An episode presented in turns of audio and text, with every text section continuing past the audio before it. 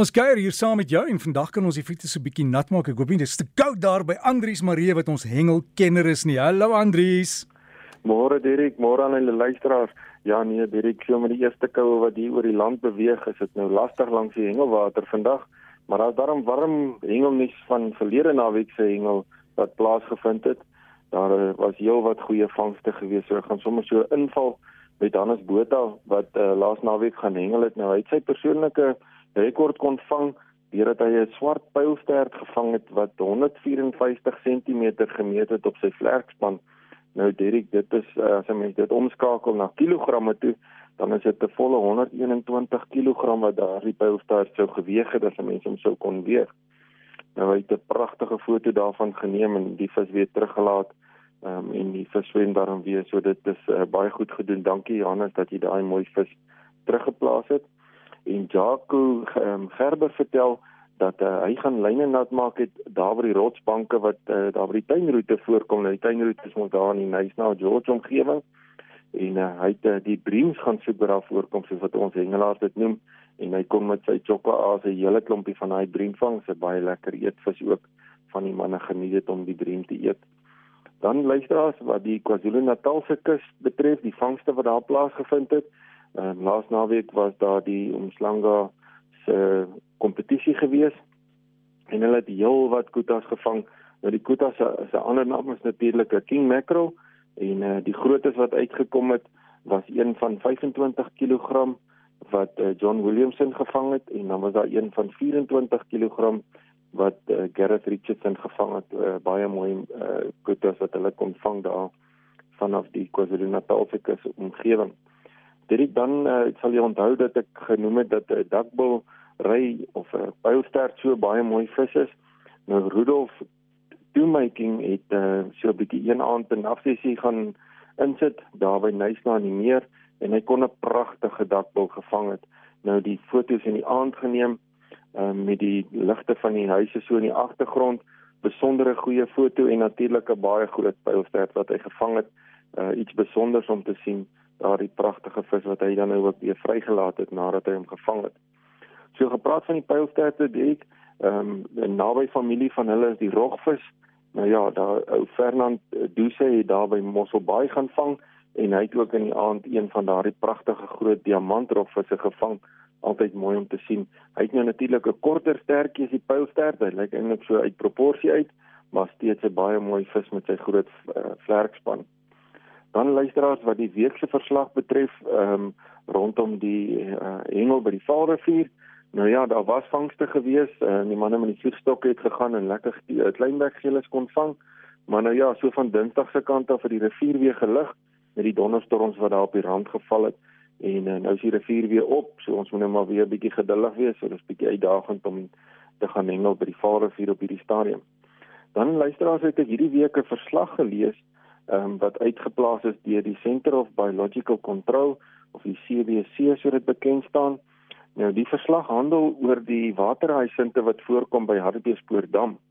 Nou wat baie interessant is, Derek, hulle het gebruik gemaak van ehm uh, goggas as ek dit so kan stel, muggies en ander diertjies en insekte om dan hierdie huisinte probleem te help bekamp daar by die dam.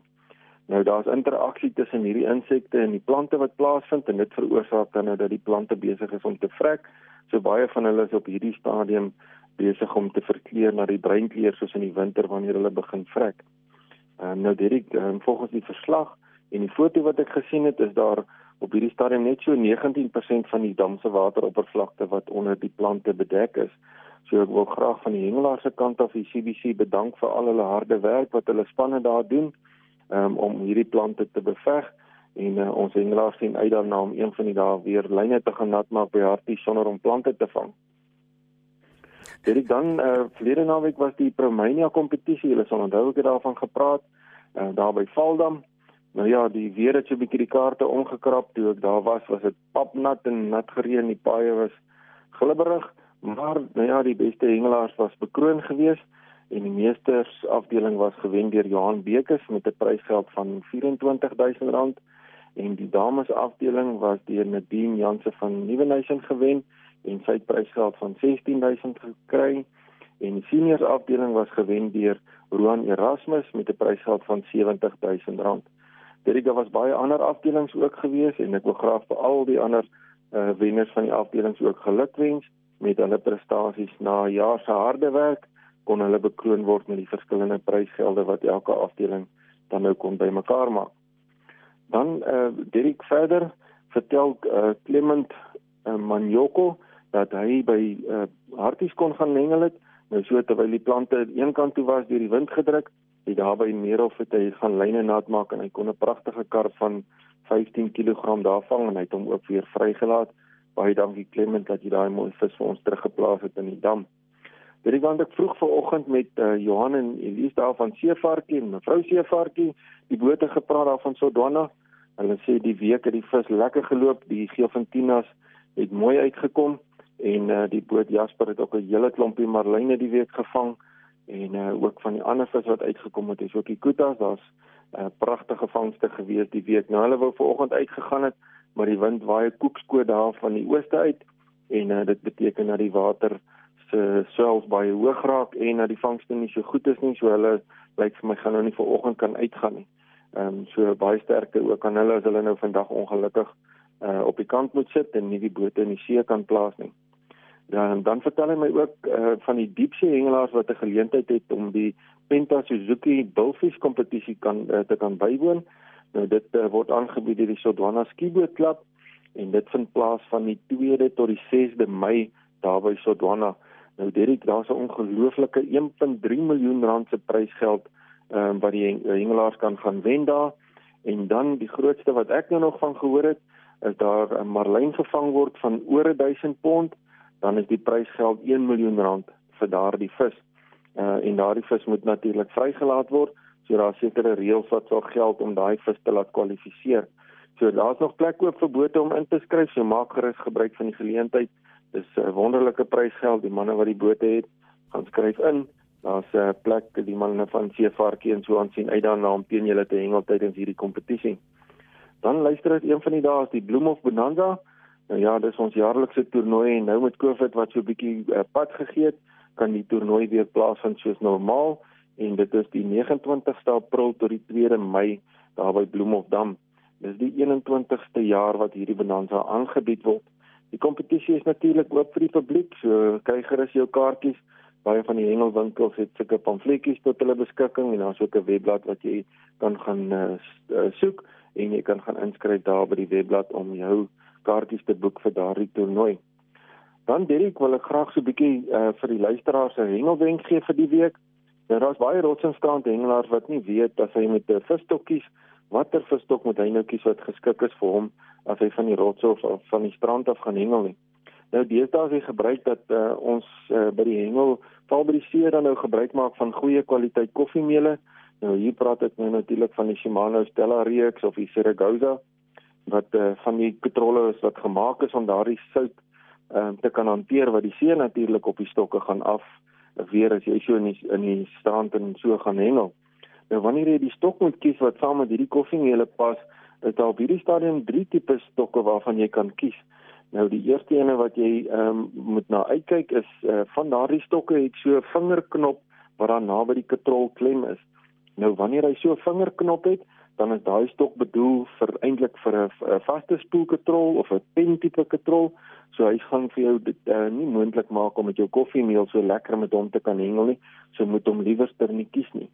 Dan is daar twee ander tipes.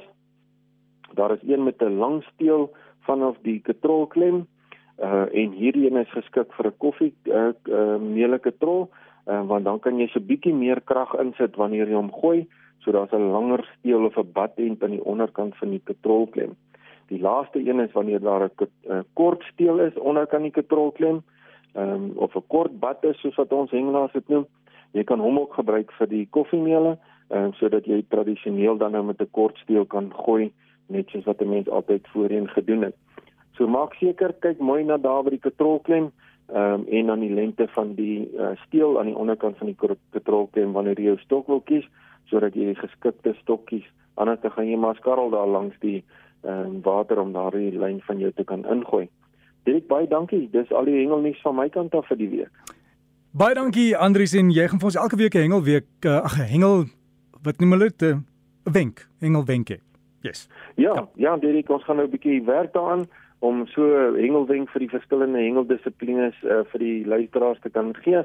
Net so kortetjie om te help uh, om hulle vangste uh, beter te maak en ook uh, stywe lyne te kan beleef daar langs die hengellater. Hmm. Want ek het gou gaan terwyl jy gepraat het gaan kyk na die woord koekskoot wat jy gebruik het is 'n term dit reën 'n koekskoot. Ek uh, ek ken dit nie en ek sien daar's nie Engelse vertaling vir dit nie, maar maar dit lyk my dit word nogal wyd gebruik.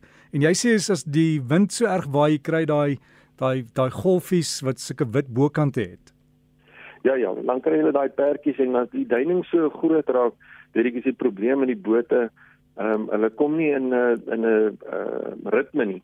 So dan sukkel die bote en is baie ongerieflik. Jy weet, hy stamp die boot vreeslik rond en dan kry die mense seer op die boot soos dat jy moet rondval. So dit raak eintlik baie gevaarlik vir die mense om uit te gaan met die boot as die duinings te hoog raak. Nee, Andries Koekskoot daar. Baie dankie, hoor. dankie Derek. Groetnisse aan almal. Groetnisse en dit dan ons hengel bydra as jy dalk nuus daar uit jou omgewing vir Andries wil stuur vir insluiting hier op breakfast, dan kan jy vir hom e-pos. Dis hengel by RSG www.rsg.co.za hengel by rsg.co.za